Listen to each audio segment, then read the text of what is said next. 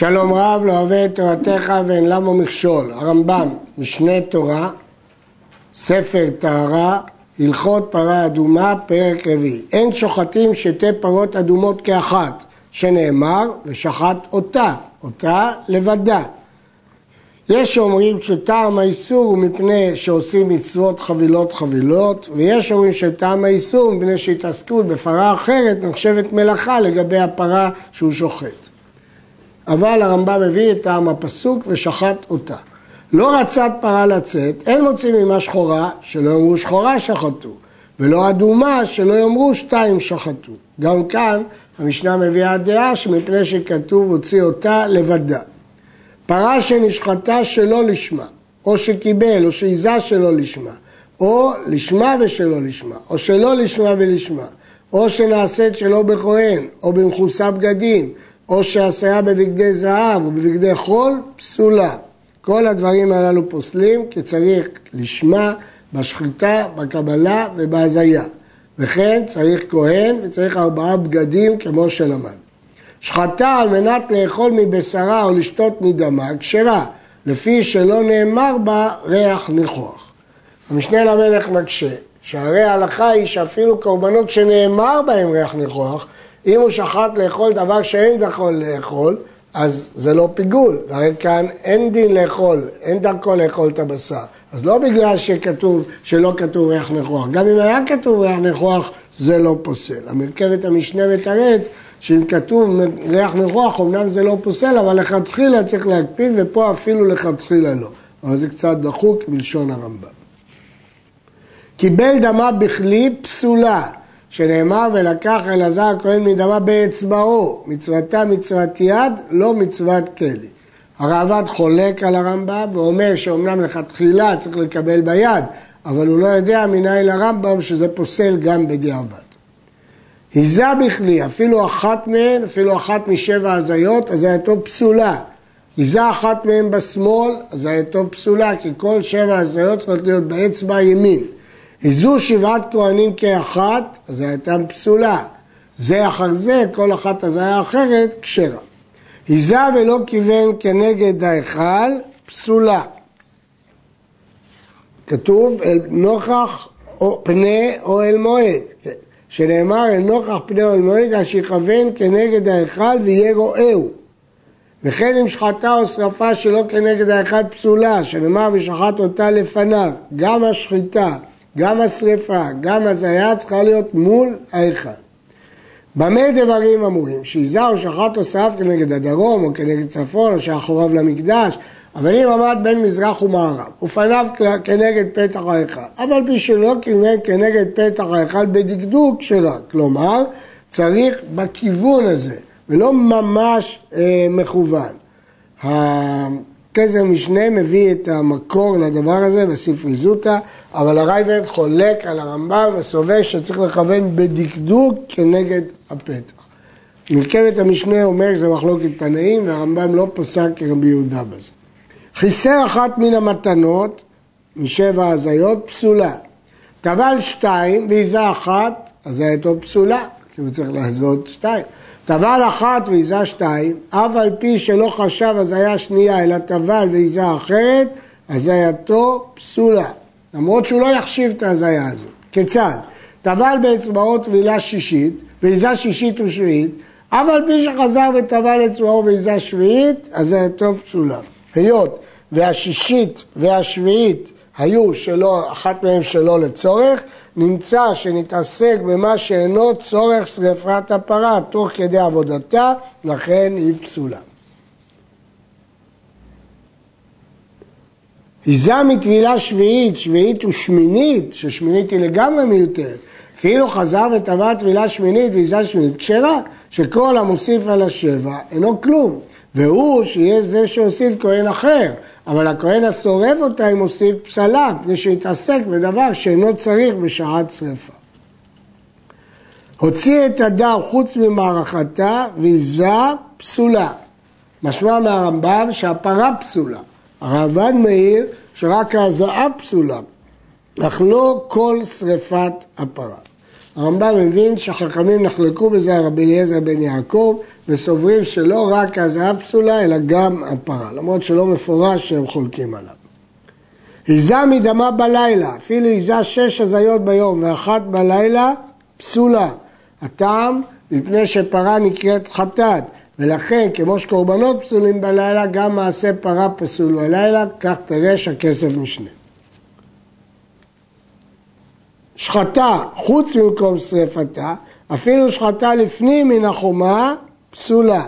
חוץ למקום שרפתה היא פסולה, אה, מכיוון שצריך דווקא לשחוט לפניו, דהיינו במקום שרפתה. שרפה חוץ ממערכתה שנשחטה עליה, או שחלקה לשניים ושרפה בשתי מערכות, או ששרף שתיים במערכה אחת, פסולה. ואם אחר שנעשית אבן מביא אחרת ושורף על גבה ואינו חושש. עד שתעשה אפר אי אפשר לשרוף שתיים בבת אחת, אלא כל פרה בנפרד. הפשיטה ונדחה ואחר כך שרף כולה, כשרה. למרות שכתחילה היה צריך לשרוף אותה בלי הפשט וניתוח, אבל זה לא פוסל. ואם חיסר ממנה כלום, אפילו מפרשה, פסולה, כי צריך לשרוף את כולה. פקע, דהיינו אף, פקע מעורה או מבשרה או משערה כזית, יחזיר, ואם לא יחזיר, פסולה, כי היא לא נשרפה כולה. פקע חוץ למערכתה, מרבה עליו ושורפו במקומו. פקע מקרניה או מקלפיה או מפרשה, אינו צריך להחזיר. למרות שלכתחילה אמרנו ששורפו, פה לא צריך להחזיר. אמרי קורקוס מסביר, אם פקע מעורה או והעבר הגיע למקום שבו מתבצעת השרפה, אלא לא הגיע עדיין האש. בחלק השני של ההלכה מדובר שהעבר הגיע מחוץ לתחום האש. במקרה זה מרבה עליו ושרפו במקומו. אם זה במקום האש, הוא מחזיר אותו למקומו. חזון איש מסביר שבזה שהוא מרבה עליו, הוא מרחיב את המערכה. הרמב"ם בסוף ההלכה כתב שאם פקע מפרשה אינו צריך להחזיר, אבל בתחילת ההלכה הוא כתב שאם חיסר ממנה אפילו מפרשה צריך להחזיר. התשובה כמובן פשוטה, בתחילת ההלכה מדובר שהוא חיסר בזמן הניתוח וההפשט לפני ששרף, ואילו כאן זה פקע אחרי ששרף. אם לפני ששרף זה פסולה, ואם אחרי ששרף פקע מפרשה לא פוסל. הפרה אינה נפסלת בלינה, לפיכך נשחטה ביום, ועיזה דמה כהלכתו, ונשרפה למחר, כשרה. למרות שלגבי פרים הנשרפים ושעירים הנשרפים, הרמב"ם פסק מספק שלינה פוסלת, אבל לגבי פרה אדומה הוא לא יחמיר בכך. שרפה אונן או מחוסר כפרה, כשרה.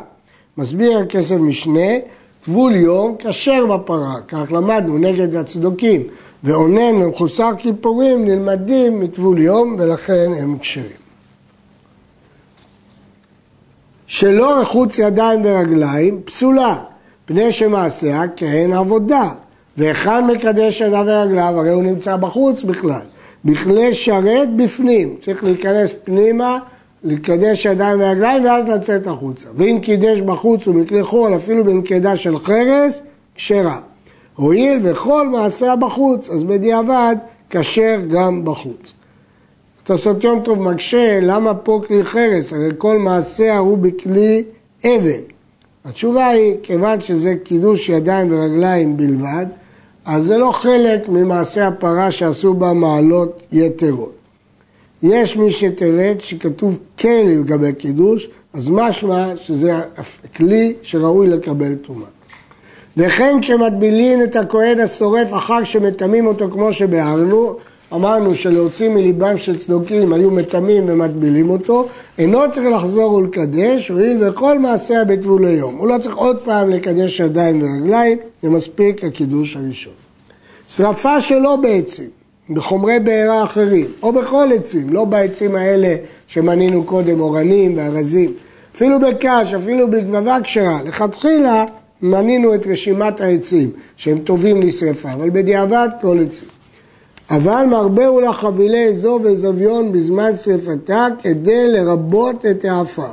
ויש לו לרבות עצים בשרפתה עד שתעשה אפר. משתעשה אפר, אם עושים בה אפילו עץ אחד, זה כמערב אפר מקלה באפר הפרה. כיוון שנחוץ לנו כל גרגיר מהאפר של הפרה, כי נדיר לעשות פרה אדומה, לכן אנחנו מרבים את האפר. הרי אמרנו שגם מהעצים עושים אפר כשקודשים אותם. לכן יש עניין להרבות הרבה עצים כדי שיהיה לנו הרבה אפר. אבל כל זה עד שהיא תעשה אפר. אבל אחרי שהיא נעשתה אפר, ראית שיצא לך מעט, אתה רוצה לשרוף עצים, כמובן שזה פסל, כיוון שאתה מערב אפר מקלה באפר פרה. כל מעשה הפרה מתחילה ועד סוף אינה אלא ביום, כמו קורבנות, ובזכרי כהונה, כמו עבודה, והמלאכה פוסלת בה עד שתעשה אפר. אבל מי שתעשה אפר, אם כנס עברה בלילה או שכנסתו אישה שעשה מלאכה אחרת של כניסתו, הרי זו כשרה כי כבר נעשתה אפר. ומנין שאספת האפר בכל אדם מישראל חוץ לחיי שוטה וקטן, אפילו אישה, שנאמר ואסף איש טהור, מכלל שאינה צריכה כהן, כתוב איש, כאילו נאמר אדם טהור, בין איש ובין אישה. ומנין שהמלאכה פוסלת בה, שנאמר ושחט אותה לפניו, מפי השמועה למדו שלא בא כתוב אלא ללמד שאם נתעסק בדבר אחר בשעת שחיטתה, פסלה. ונאמר ושרף את הפרה לעיניו, שהוא עיניו בה, ללמד שהמלאכה פוסלת בה משעת שחיטתה עד שתעשה אפר. וכל העוסק בשרפתה ועשה מלאכה אחרת, פסלה עד שתעשה אפר. הרמב"ם מביא פה שני מקורות. ושחט, זה לגבי התעסקות בשעת שחיטה, שרף את הפרה לעיניו, הכוונה מהשחיטה ועד השרפה. ערוך השולחן מאיר, שהרמב"ם הזכיר פה רק מלאכה ולא הזכיר היסח הדעת. רש"י ותוספות אומרים שאפילו היסח הדעת פוסלים בפרה. שחט את הפרה ונשחטה בהמה אחרת עמה או נתחתך דלעת עמה כשרה, שהרי לא נתכוון למלאכה. אף על פי שהבהמה שנשחטה עמה כשרה לאכילה, שאין שחיטת החולית צריכים כוונה. אז יוצא שהוא לא התכוון לעשות מלאכה נוספת. אבל אם נתכוון לחתוך הדלת, נתחתך בשעת שחיטה פסולה, שהרי עשה עימה מלאכה. אם הוא מתכוון לחתוך דלת או בהמה אחרת, אז הוא התכוון לעשות מלאכה, ובוודאי שזה פוסל. עד כאן.